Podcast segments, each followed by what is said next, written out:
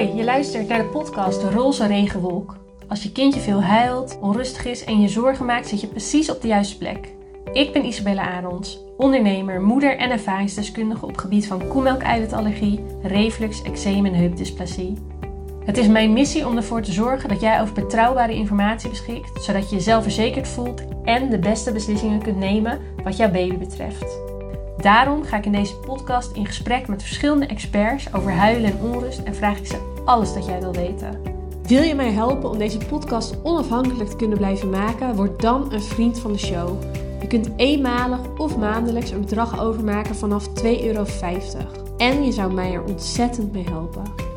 Heel veel luisterplezier en vergeet niet, na regen komt zonneschijn. Welkom bij de vierde podcastaflevering van de Roze Regenwolk. Vandaag ga ik in gesprek met kinderarts-allergoloog Ted Klok, werkzaam bij Deventer Ziekenhuis. En we gaan het hebben over voedselallergie en eczeem. Een onderwerp dat mij heel erg aan mijn hart gaat, omdat mijn jongste zoontje dit ook gehad heeft. Hij is een van de initiatiefnemers van de ORCA-studie. Het enige onderzoek in Nederland dat kinderen tussen de 0 en 2 jaar behandelt voor voedselallergie. En resultaten zijn veelbelovend. En daar gaan we het straks vast nog wel uitgebreider over hebben. Ook is hij vader van drie kinderen, twee tieners en een kleine dreumes van één. En uh, die hebben gelukkig geen last gehad van eczeem of voedselallergie. En ik ben heel erg blij om jou te gast te hebben in deze podcast. Dus dank je wel alvast daarvoor. En Nou. welkom. Dank voor je uitnodiging en superleuk om aan dit initiatief bij te dragen. Eh, er zijn veel nieuwe ontwikkelingen op dit vlak. En ik vind het superbelangrijk dat eh, ouders van jonge kinderen eh, weten nou ja, hoe het zit met eczeem en hoe je voedselallergie kan voorkomen. Eh, want daarin kun je zelf tegenwoordig al ontzettend veel doen. Ja, en het is zonde als ouders pas achteraf te horen krijgen wat ze anders hadden kunnen doen in die eerste levensmaanden van een kind. ja zeker. Dus superbelangrijk onderwerp. Ja, ja nee, super fijn. Fijn dat je er bent. En laten we gelijk ook de diepte induiken, als je dat goed vindt. Want eh, een van de eerste vragen die ik heb is eigenlijk: wat is voedselallergie? Hoe krijg je het? En ja, wat is het? Ehm je dat nou, ontzettend goede vraag om mee te beginnen, omdat niet iedereen daar hetzelfde onder verstaat als je daar op het schoolplein met elkaar over in gesprek bent. En als artsen hebben we het vaak over een IgE-gemedieerde allergie, in tegenstelling tot andere allergieën of intoleranties. En in dit gesprek gaan we het ook vooral hebben over wat wij dan noemen IgE-gemedieerde allergie.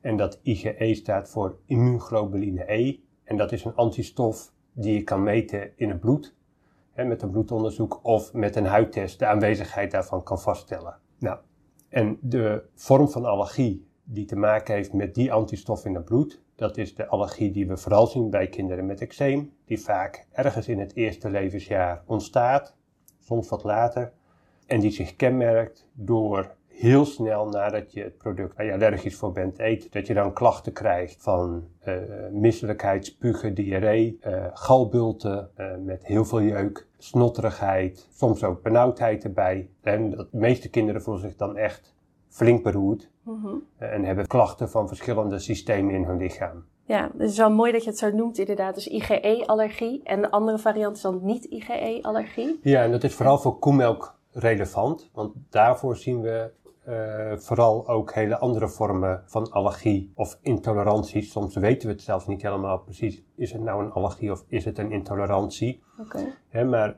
in ieder geval een bekende vorm van intolerantie voor koemelk is waarbij kinderen pas 12 uur later, soms iets eerder, soms iets later, last krijgen van krampjes, ongemak, eh, soms ook wel wat spugen en veranderd ontlastingspatroon, soms ook een beetje pukkelige huiduitslag. Mhm. Maar dat verloopt dus veel minder acuut. Kinderen zijn ook niet helemaal van de wereld, heel ziek, maar voelen zich wel echt ongemakkelijk. En Ja. Dus het is wel een super relevant probleem, want die kinderen moet je geen melk geven. Alleen als die een keer per ongeluk het verkeerde flesje krijgen, heb je niet een acuut ziek kind. Je hebt wel kans dat je de nacht erop wakker bent omdat het kind zo ongemakkelijk is. Ja, precies. Dus Oké, dus dat is met name bij koemelk. Het is niet zo dat dit is een vorm van allergie die we veel minder zien voor andere voedselproducten. voor andere voedselproducten. Ja. Oké, oké. Oh, dat wist ik niet. Ik dacht dat dat dus voor elke allergie geldt. Dat je dus ofwel een IgE-allergie kan hebben of een Nou, niet-IgE-allergie. zoals voor pinda kennen we dat eigenlijk eh, niet, deze andere vormen van allergie. Nee. Dus, eh, of veel, mi- veel minder vaak. Er is nog wel één specifieke vorm van allergie waarbij die zich nog echt onderscheidt, waarbij ongeveer een paar uur na inname van het voedselproduct kinderen enorm gaan spugen en Mhm. daarbij heel bleek en vaak ook een beetje suffig worden. Dus zonder galbulten. Hè? En het is dus ook een beetje trager dan die IgE-gemedieerde allergie. En dat is ook een vorm van allergie die we relatief het vaakst op koemelk zien. Maar die kun je ook wel op ei zien of op pinda. Eh, maar dat komt al veel minder vaak voor. En sowieso komt deze vorm van allergie vele malen minder vaak voor dan de klassieke IgE-gemedieerde allergie. En hoe heet die allergie dan die je nu beschrijft? De afkorting is FPIES. FPIES staat voor Food Protein Induced Enterocolitis Syndrome. Oftewel in het Nederlands, darmen worden ziek door de voedseleiwitten. Dus het is een hele beschrijvende term Mm. en het zegt niks over het precieze mechanisme wat er aan de grondslag ligt. Ja. En dat precieze mechanisme kennen we ook nog niet helemaal. Oké. Oké, dus dat is eigenlijk een soort van nieuw soort type allergie dat recent ontdekt is. Ja, ondertussen niet meer helemaal recent, maar tien jaar geleden werd het nog nauwelijks vastgesteld. En tegenwoordig herkent eigenlijk elke kinderarts wel als een kind met deze klachten zich presenteert. Dus dat is wel iets wat daardoor vaker wordt vastgesteld. Oké. Dus als we het dan hebben over voedselallergie, zijn er dus drie verschillende vormen. IgE, niet-IgE en die FP, FPIES. FPIES. Ja. FPIES. Ja, en er zijn nog een paar. Ik bedoel, en, en er zijn nog een paar vormen daarnaast. Eh, en dan heb je nog intoleranties. Ja. Eh, eh, zoals je bijvoorbeeld kinderen een lactose-intolerantie kunnen hebben. Zien we bij baby's niet zo vaak dat als dat gebeurt, is dat vooral bij oudere kinderen. Mhm. En vaker als ze een etnische origine hebben die in Afrika eh, bijvoorbeeld ligt eh, of in Azië. En dan krijg je, als je niet tegen lactose kunt, dat is de melksuiker, dan krijg je een paar uur na inname dat je buikpijn krijgt eh, en heel winderig wordt en diarree krijgt. Mhm. Dus dat is ook weer een heel andere reactie. Ja. Eh, maar goed, dat voert denk ik te ver voor deze podcast om die hele breedte te bespreken. Maar er zijn natuurlijk hele andere manieren waarop je, vormen waarop je op voedsel kunt reageren. Hè. Er zijn allerlei soorten intoleranties en sommige hebben echt met het voedsel te maken en sommige zegt het meer over je darm. Ja. Hè. Eh, er zijn ook kinderen die al heel jong een prikkelbaar darmsyndroom ontwikkelen, waarbij ze heel gevoelig zijn voor bijvoorbeeld vette voeding. Hmm. Ehm, ja, dus dan reageer je ook niet gunstig op bepaalde voedingssoorten. Maar ja, dat heeft dan weer een hele andere oorzaak. Oké. Maar dat wist ik ook helemaal niet. Dat is de eerste keer dat ik dat hoor. Ja, ja nee, die, die kinderen reageren soms bijvoorbeeld ook gewoon al op allerlei so- soorten bijvoeding. Dan gaat het de eerste maanden op de melk goed. En Ja. zo gauw dan bijvoeding gaat introduceren, dan eh, worden ze daar super ongelukkig van. Ja. Hè, ze nemen enorm de krampen toe, alles. Nou ja, en ik noem dat prikkelbare darm. Eigenlijk weten we dat ook het mechanisme weer niet zo goed. Eh, het is in ieder geval duidelijk dat het aan die darmen ligt, want het maakt niet uit welk voedsel je erin stopt. Ja. Heel veel soorten vaste voedsel geven dan problemen. Ja. Hè, dus wat laat zien dat dat niet specifiek is, maar Nee. iets met de werking van de darm te maken heeft. Ja. Ja. Allemaal super interessante onderwerpen. Dus ik, eh, ik ga heel even terug naar, die, naar, naar, de, naar de allergieën. Want Ja. ehm, kijk, de ouders die ik spreek, die, die weten gewoon niet, heeft mijn kindje nou een allergie of niet? En bij een IgE-allergie is dat vrij duidelijk, omdat dan die galbulten ontstaan. Je hebt acuut echt wel die reactie. Ja. En waardoor sommige ouders ook naar de spoedeisende hulp toe moeten. Ja, precies. En soms is, is het nog heel mild, dus dan zegt ze wel, ik heb het eerste keer pinda gegeven en die had heel erg roodheid rond zijn mond en een paar galbultjes op de wang. Snap je? Dan is het een beetje de vraag. Hè? Dus het is Ja, soms ook, is het het nou wel of niet? ja, Maar als je echt die allergie hebt en het kind heeft een overduidelijke reactie, ja, dan eh, is dat eigenlijk, zitten daar niet zo heel veel vraagtekens meer bij. Nee, precies. En dus op het moment dat de ouders een kindje hebben met een niet-IgE-allergie en zij komen bij de huisarts of de jeugdarts, worden zij heel vaak weer teruggestuurd naar huis en wordt er gezegd, joh, je kindje groeit daar wel overheen, Mhm. als dat al een allergie is. Waardoor Mhm. ze zich vaak dan niet serieus genomen voelen. Er zullen mogelijk ook een aantal zorgverleners luisteren naar deze podcast. Ik ben wel heel erg benieuwd ook hoe jij daarover denkt. Is dan een niet-IgE-allergie, is dat een allergie? Dus in dit geval bijvoorbeeld bij koemelk? Ja, kijk, de- eerste is altijd grappig wat what's in a name. En we hebben afgesproken dat een allergie, zo noemen we het, als we weten dat het immuunsysteem, je afweersysteem, betrokken is bij de reactie. Maar zoals bij die vertraagde reactie op koemelk die ik vertelde, die best wel een heel aantal zuigeringen hebben, weten we helemaal niet wat het mechanisme is. Dus we weten geen eens eigenlijk goed of het een darmprobleem is, of een allergie, of een intolerantie. Weten we niet zo goed. We weten wel dat het eigenlijk altijd overgaat. Dus daar hebben die zorgverleners wel gelijk in. Het komt wel goed. Ja. Alleen kan het in de tussentijd wel heel veel klachten geven. Hè? En uh, ik heb dat zelf met mijn eigen dochtertje, uh, die nu één is, gemerkt. Want die kon, had een soortgelijk probleem ook met koemelk. Ja, een beetje eigenwijze dokter ben ik wel, dus ik dacht het zal wel loslopen. Hmm. Uh, dus ik gaf het gewoon op een goede dag wel weer de koemelk. Vervolgens uh, heb ik de hele nacht niet geslapen, uh, omdat ze alleen maar aan het huilen was en heel ongelukkig was. En dat was voor mij zelf ook alweer een goede wake-up call van, ook al is het niet heel erg, de impact kan op het kind heel erg groot zijn. En ook op ouders natuurlijk dan. Ja. Um, en dat is denk ik heel erg belangrijk om te bedenken. Ook al is het medisch gezien niet een enorm bedreigend iets. En ook al gaat het uiteindelijk over, kan de impact die het op dat moment heeft heel erg groot zijn. En dat moet je altijd, vind ik, heel serieus nemen en met ouders kijken hoe je zorgt dat op dat moment een goede kwaliteit van uh, zorgen voor je kind uh, gegeven kan worden. Met de goede voeding, zodat je kindje gelukkig is en blij uh, ja. en je samen kan genieten. Ja. en dat vind ik super belangrijk. En het lastige daarin is dat we daar geen testen voor hebben. Die IgE-allergie, weet je, doen we het bloedonderzoek of een huidtestje, dan weten we het. Die andere allergieën weten we niet echt goede testen voor. En dan is het gevaar wat ik soms zie gebeuren, is dat ouders dan wel een heel erg groot probleem ervaren thuis. En dan zorgverleners dat ja, onvoldoende erkenning aangeven. En ik denk dat je daarop doelt. Mm -hmm. En ik denk dat je daar als zorgverlener heel voorzichtig in moet zijn. Niet alles wat we niet precies weten of niet kennen, is, daarvan is het niet zo dat het niet bestaat en niet een groot effect thuis kan hebben. Ja. Dus luister goed naar ouders en bedenk en, en, kijk wat die nodig hebben om goed voor hun baby te kunnen zorgen. Ja, mooi gezegd ook uh, en fijn om te horen. Die erkenning is sowieso al heel fijn. Ik ben nog wel even benieuwd, zowel voor IgE als niet-IgE-allergie. Zijn er altijd meerdere systemen betrokken van het lichaam, dus zowel huid, luchtwegen als uh, darmen? Of kan het ook alleen huid of alleen darmen of ja. alleen luchtwegen zijn? Uh, meestal zien we wel dat meer systemen reageren. Dus de, en, en, de huid en de darmen, dus galbulten en spugen zijn gewoon de meest voorkomende symptomen. Uh, en als het alleen maar de huid is, dan is het altijd heel erg de vraag of dat alleen maar in het gezicht uh, en de handen zit. Maar dan kan het heel goed zijn dat het alleen maar een contactreactie is. Okay. Baby's blinken erin uit om niet zo heel netjes te eten. Dus een uh, groot deel van de voeding belandt vaak op de wangen. En de mondje, handen gaan dan nog eens een keer het mondje in en over die wangen.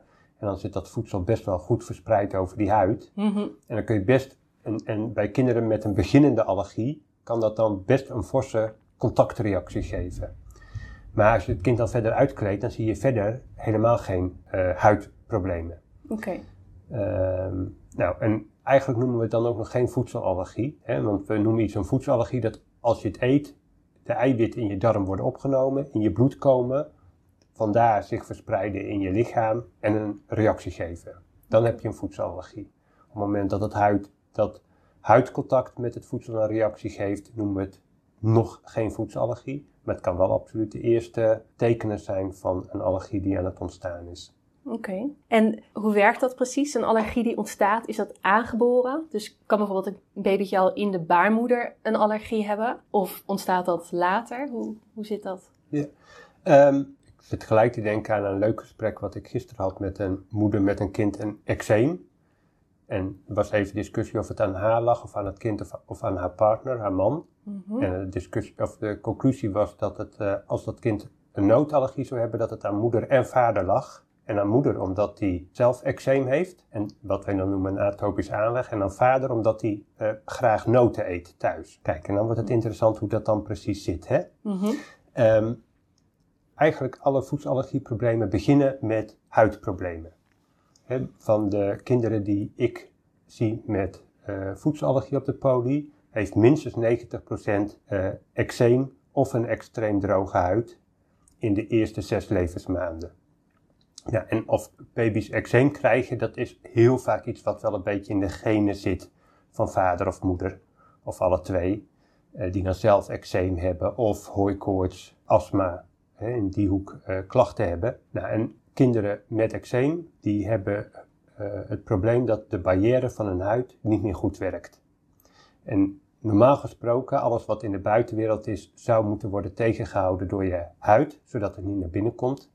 Bij kinderen met een hele droge huid en met eczeem weten we dat als daar kleine sporen van voeding op hun huid komt, dat dat naar binnen gaat en daar de afweercellen in de huid bereiken. En die afweercellen in de huid die denken, ja die voedseleiwitten die horen hier niet, dat is misschien wel iets gevaarlijks en die gaan dan antistoffen produceren. IgE-antistoffen. Kijk, daar heb je hem weer. Ja.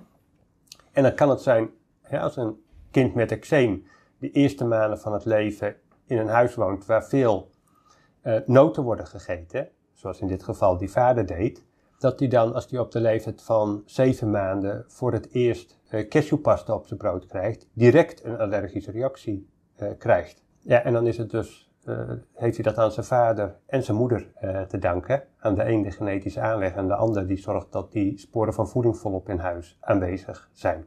Oké, dus in dit geval is het dus via de huid een allergie ontstaan. Dus bijvoorbeeld op noten. Ja, En dat kan ook op, door koemelk of ei of ehm, tarwe of fruit. Je hebt natuurlijk allemaal verschillende soorten voedselallergie. Kan dat allemaal via de huid tot een allergie leiden? Ja, we denken eigenlijk dat eigenlijk alle allergieën via de huid ontstaan. Dat is wel wat we er nu vanaf weten. Oké. Omdat wat we vooral weten is dat als kinderen vroeg eh, producten gaan eten, dat juist beschermt tegen allergie. Dus het probleem ligt in ieder geval niet in de darm.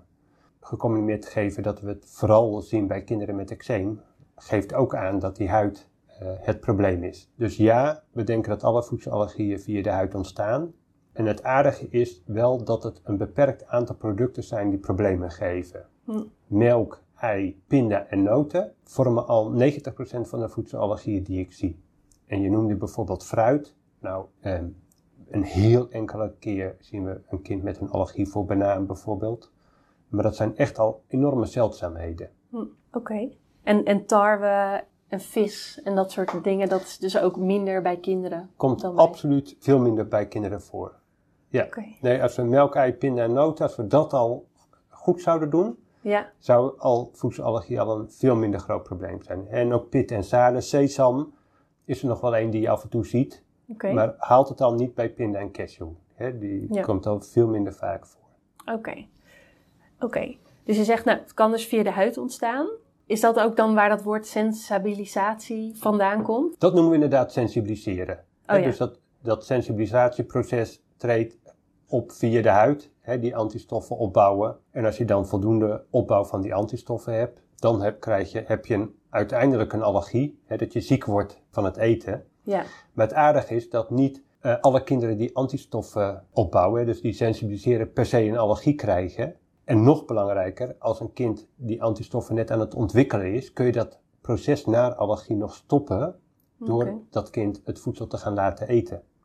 Omdat we weten dat als het afweersysteem in de darmen die voedseleiwitten ziet, Ja. juist denkt, oké, dat hoort hier, dat is ons eten. En die gaat juist stofjes maken die maken dat je tolerant bent. En er is echt fantastisch onderzoek gedaan in Engeland eh, bij een hele grote groep kinderen met eczeem en kipeiallergie.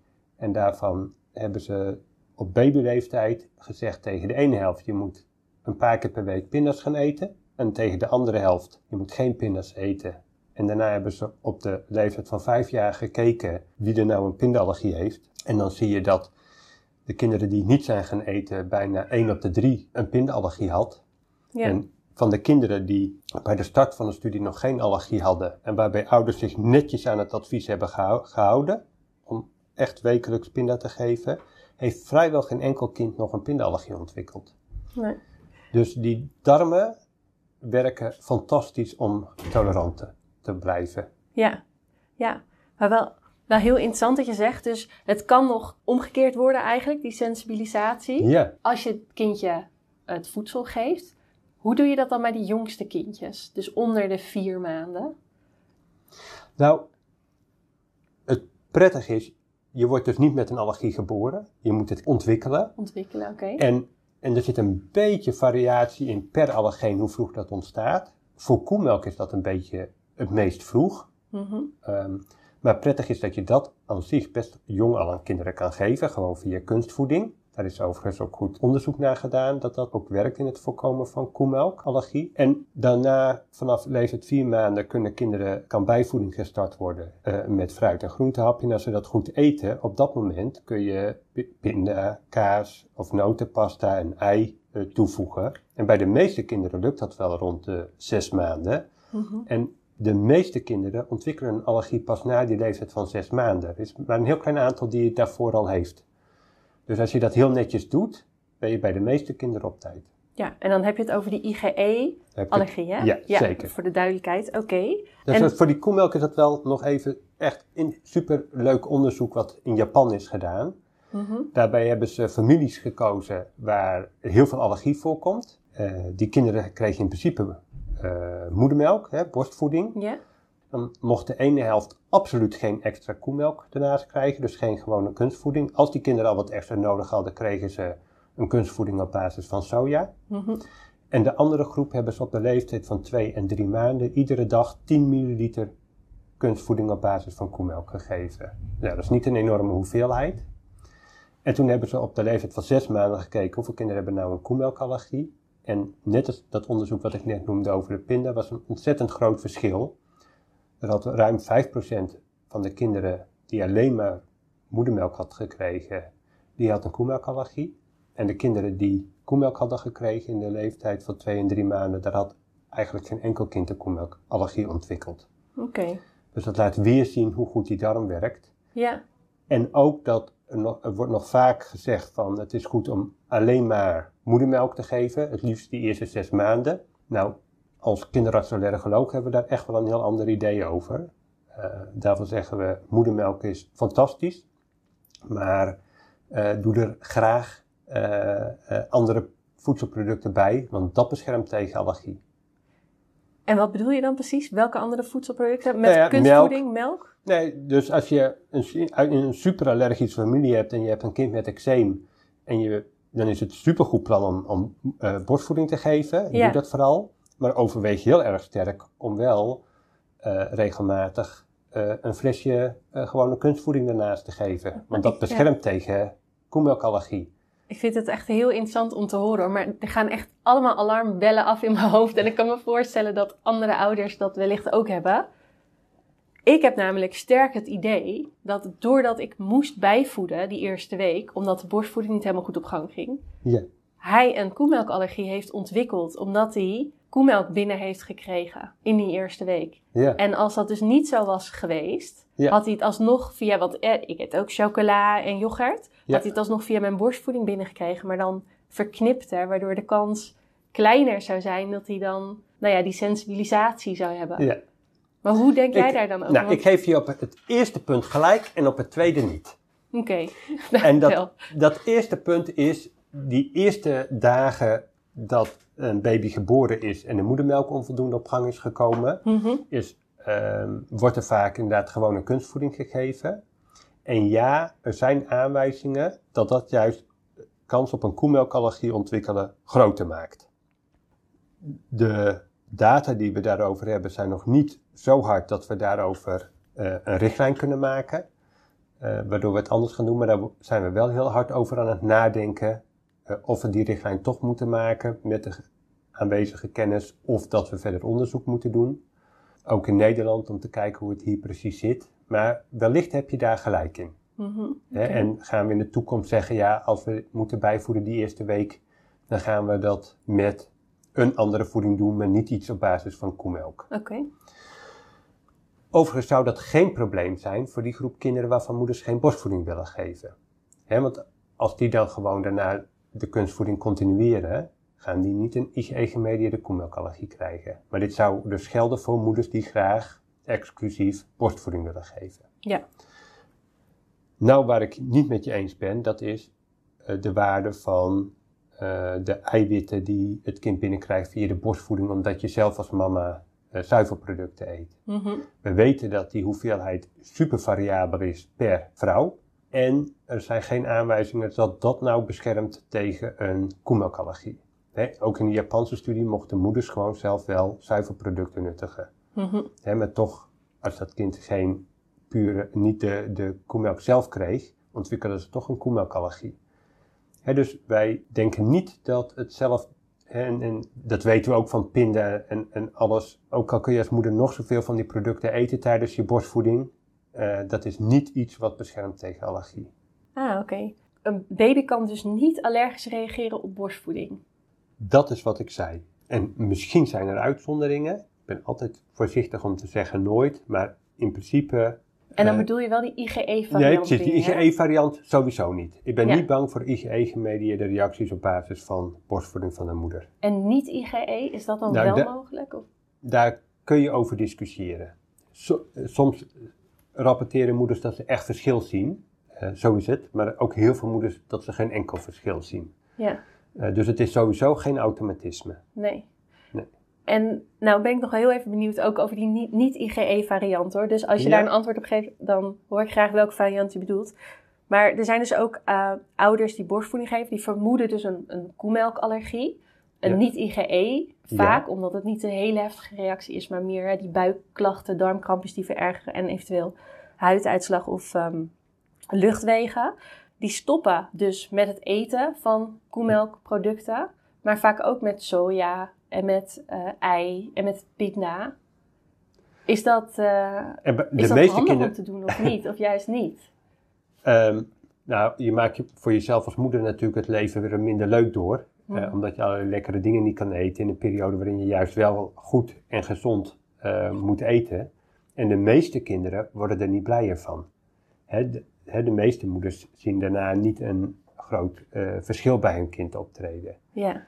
Dus Ehm, als je nou heel erg twijfelt, je kunt het altijd doen, maar wees buitengewoon kritisch of je nou effect ziet. En leg de drempel uh, een beetje laag om gewoon nooit ook weer te starten. In de wetenschap dat het meestal helemaal niks uitmaakt.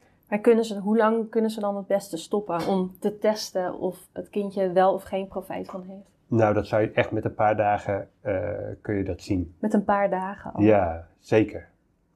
de kinderen die, die niet IgE-gemedieerde uh, koemelkallergie hebben, als je die op een andere voeding zet, dan heel vaak zeggen ouders, eh, vanaf fles 1 heb ik gewoon een ander kind. Hè? Zo snel gaat dat. Mm dus als je na een paar dagen geen verbetering ziet, hoef je niet te verwachten dat je na een week alsnog uh, een enorme verbetering ziet. En als je dat dan wel ziet, dan is toch de vraag of dat wel ligt aan jouw dieetverandering of dat dat vooral de factor tijd is uh, waardoor het beter is gegaan. Ja, precies.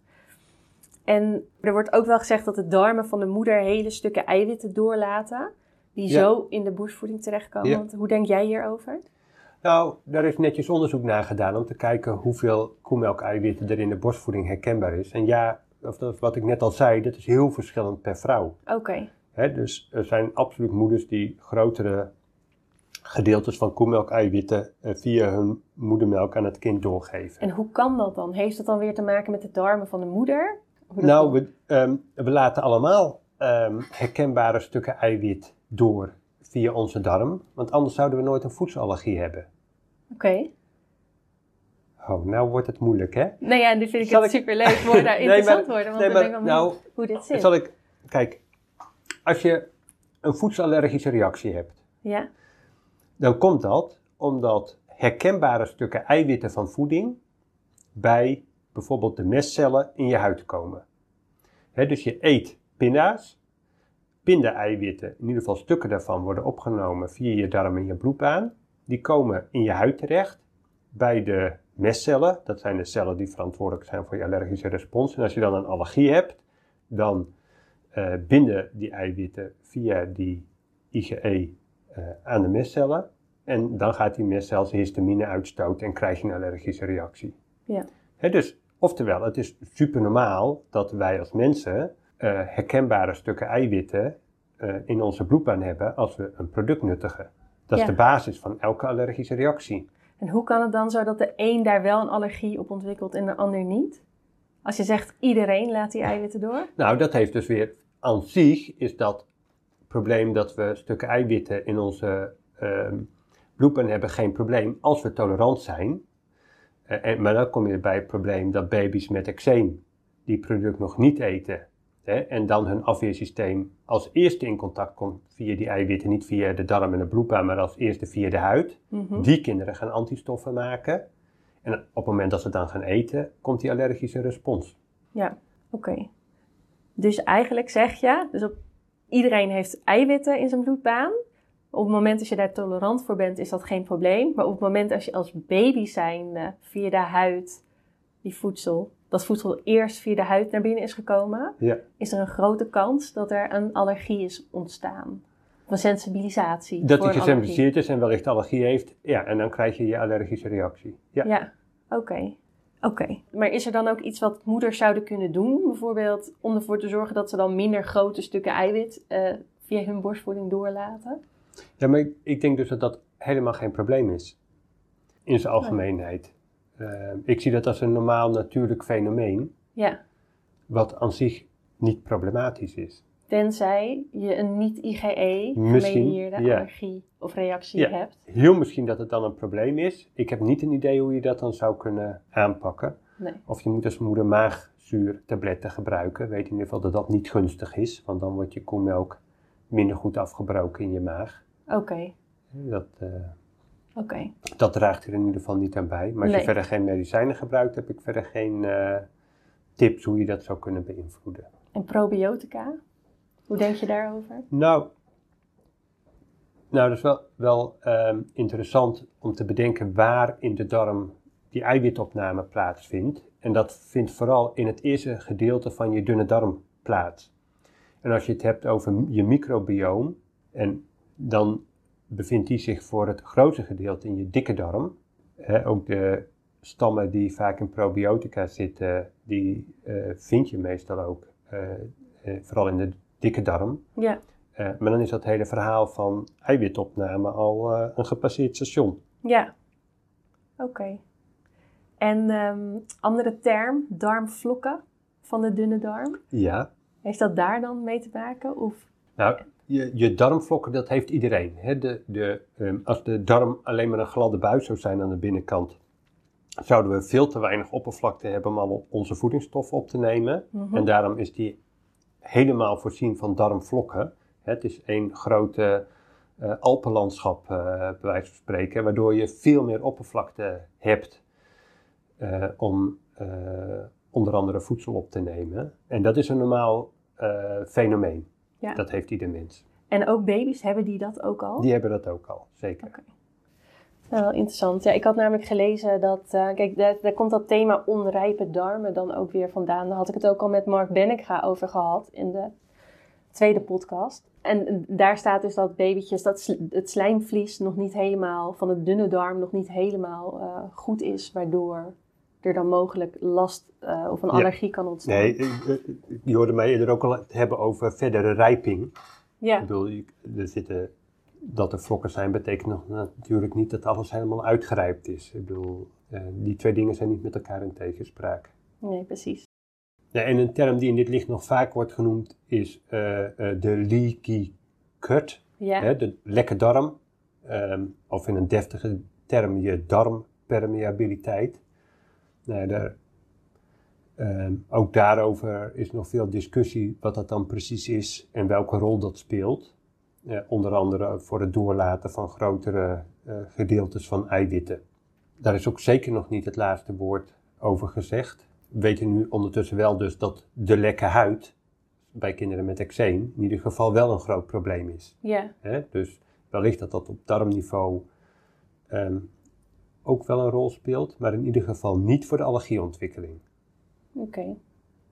Kun je daar iets meer over vertellen? Of, Ja, of- dat heeft dus te maken met, met dat afweersysteem. Dat het afweersysteem, als al je darm meer doorlaatbaar zou zijn, Ja, de vraag is, hoe reageert vervolgens het afweersysteem, dat aan de binnenkant dan ligt, op die eiwitten die je tegenkomt?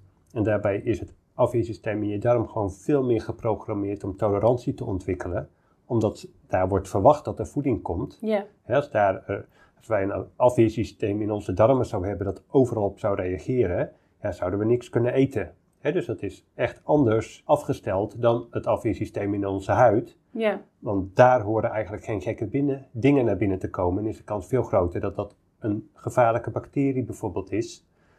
Hè, dus die afstelling van je afweersysteem, ja. daar zit het grote verschil. Ja, Oké. Ehm, ja, een vraag die me nu te binnen. Ik ga hem gewoon stellen ook, omdat ik denk dat veel luisteraars hetzelfde denken. Maar veel alternatieve um, geneeswijzers die zeggen mhm. ook van eh, eczeem heeft ook te maken met de darm. En ik hoor jou nu zeggen lekke huid, uh, eventueel een, een, een leaky gut, een lekke darm. Ja. Heeft dat met elkaar te maken of niet? Is daar iets over bekend? Ja. Nou, er is misschien een relatie, maar op een andere manier dan vaak wordt gezegd. Heel vaak wordt gezegd dat eczeem uiting is van een onderliggend probleem. En bijvoorbeeld een darmprobleem. En dat geloof ik gewoon echt niet. Ik denk dat eczeem uiting is van een niet goed werkende huidbarrière. Mm veel te veel prikkels van buiten komen naar binnen. In combinatie met een afweersysteem wat veel te scherp staat afgesteld. Dus die, van, die relatief onschuldige prikkels een probleem maakt. En zowel de kwaliteit van je huid als hoe je immuunsysteem is geprogrammeerd, is voor een heel groot gedeelte genetisch vastgelegd. He, eczeem komt in families voor, ehm, maar ook allergieën. Ja. dus, en dat geeft aan dat je een afweersysteem hebt wat gewoon heel makkelijk uh, uh, te heftig reageert. Nou, dus, en dat is ook wat ik zie, baby's worden geboren en soms in week 1 begint al die droge huid en dat eczeem. He, dat is super duidelijk dat dat echt iets is waar ze gewoon mee geboren worden. Dat is niet uiting van een onderliggend probleem. En het is wel zo dat kinderen die bepaalde genetische aanleg hebben, waardoor hun huid minder goede barrière hebben, die kunnen ook hebben dat hun slijmvliezen in hun luchtwegen of in hun darmen ook minder goede barrièrefunctie hebben. Ik zie best veel kinderen met eczeem die ook veel snotteriger zijn, veel makkelijker virusinfecties oppikken. Mm dus die hebben ook gevoeliger luchtwegen. Ja. En ja, ze hebben ook gevoelige darmen, dus, dus in die zin is er wel samenhang. Maar het is niet zo dat eczeem een uiting is van een probleem op een ander vlak in je lichaam. Nee, oké. En dat is wel wat nog steeds heel vaak wordt gedacht. Ja. En dat hebben we als dokters ook best lang gedacht. Dus dat is ook niet zo gek, alleen de nieuwe inzichten zijn echt overtuigend anders. Oké.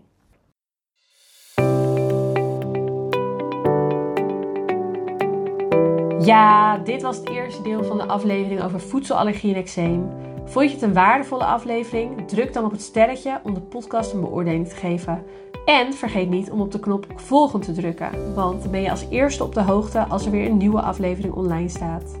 Je kunt me ook altijd een berichtje sturen via e-mail, LinkedIn of Instagram. Ik ben namelijk ontzettend benieuwd wat jij van deze podcast vindt. Heel erg bedankt voor het luisteren en tot de volgende aflevering.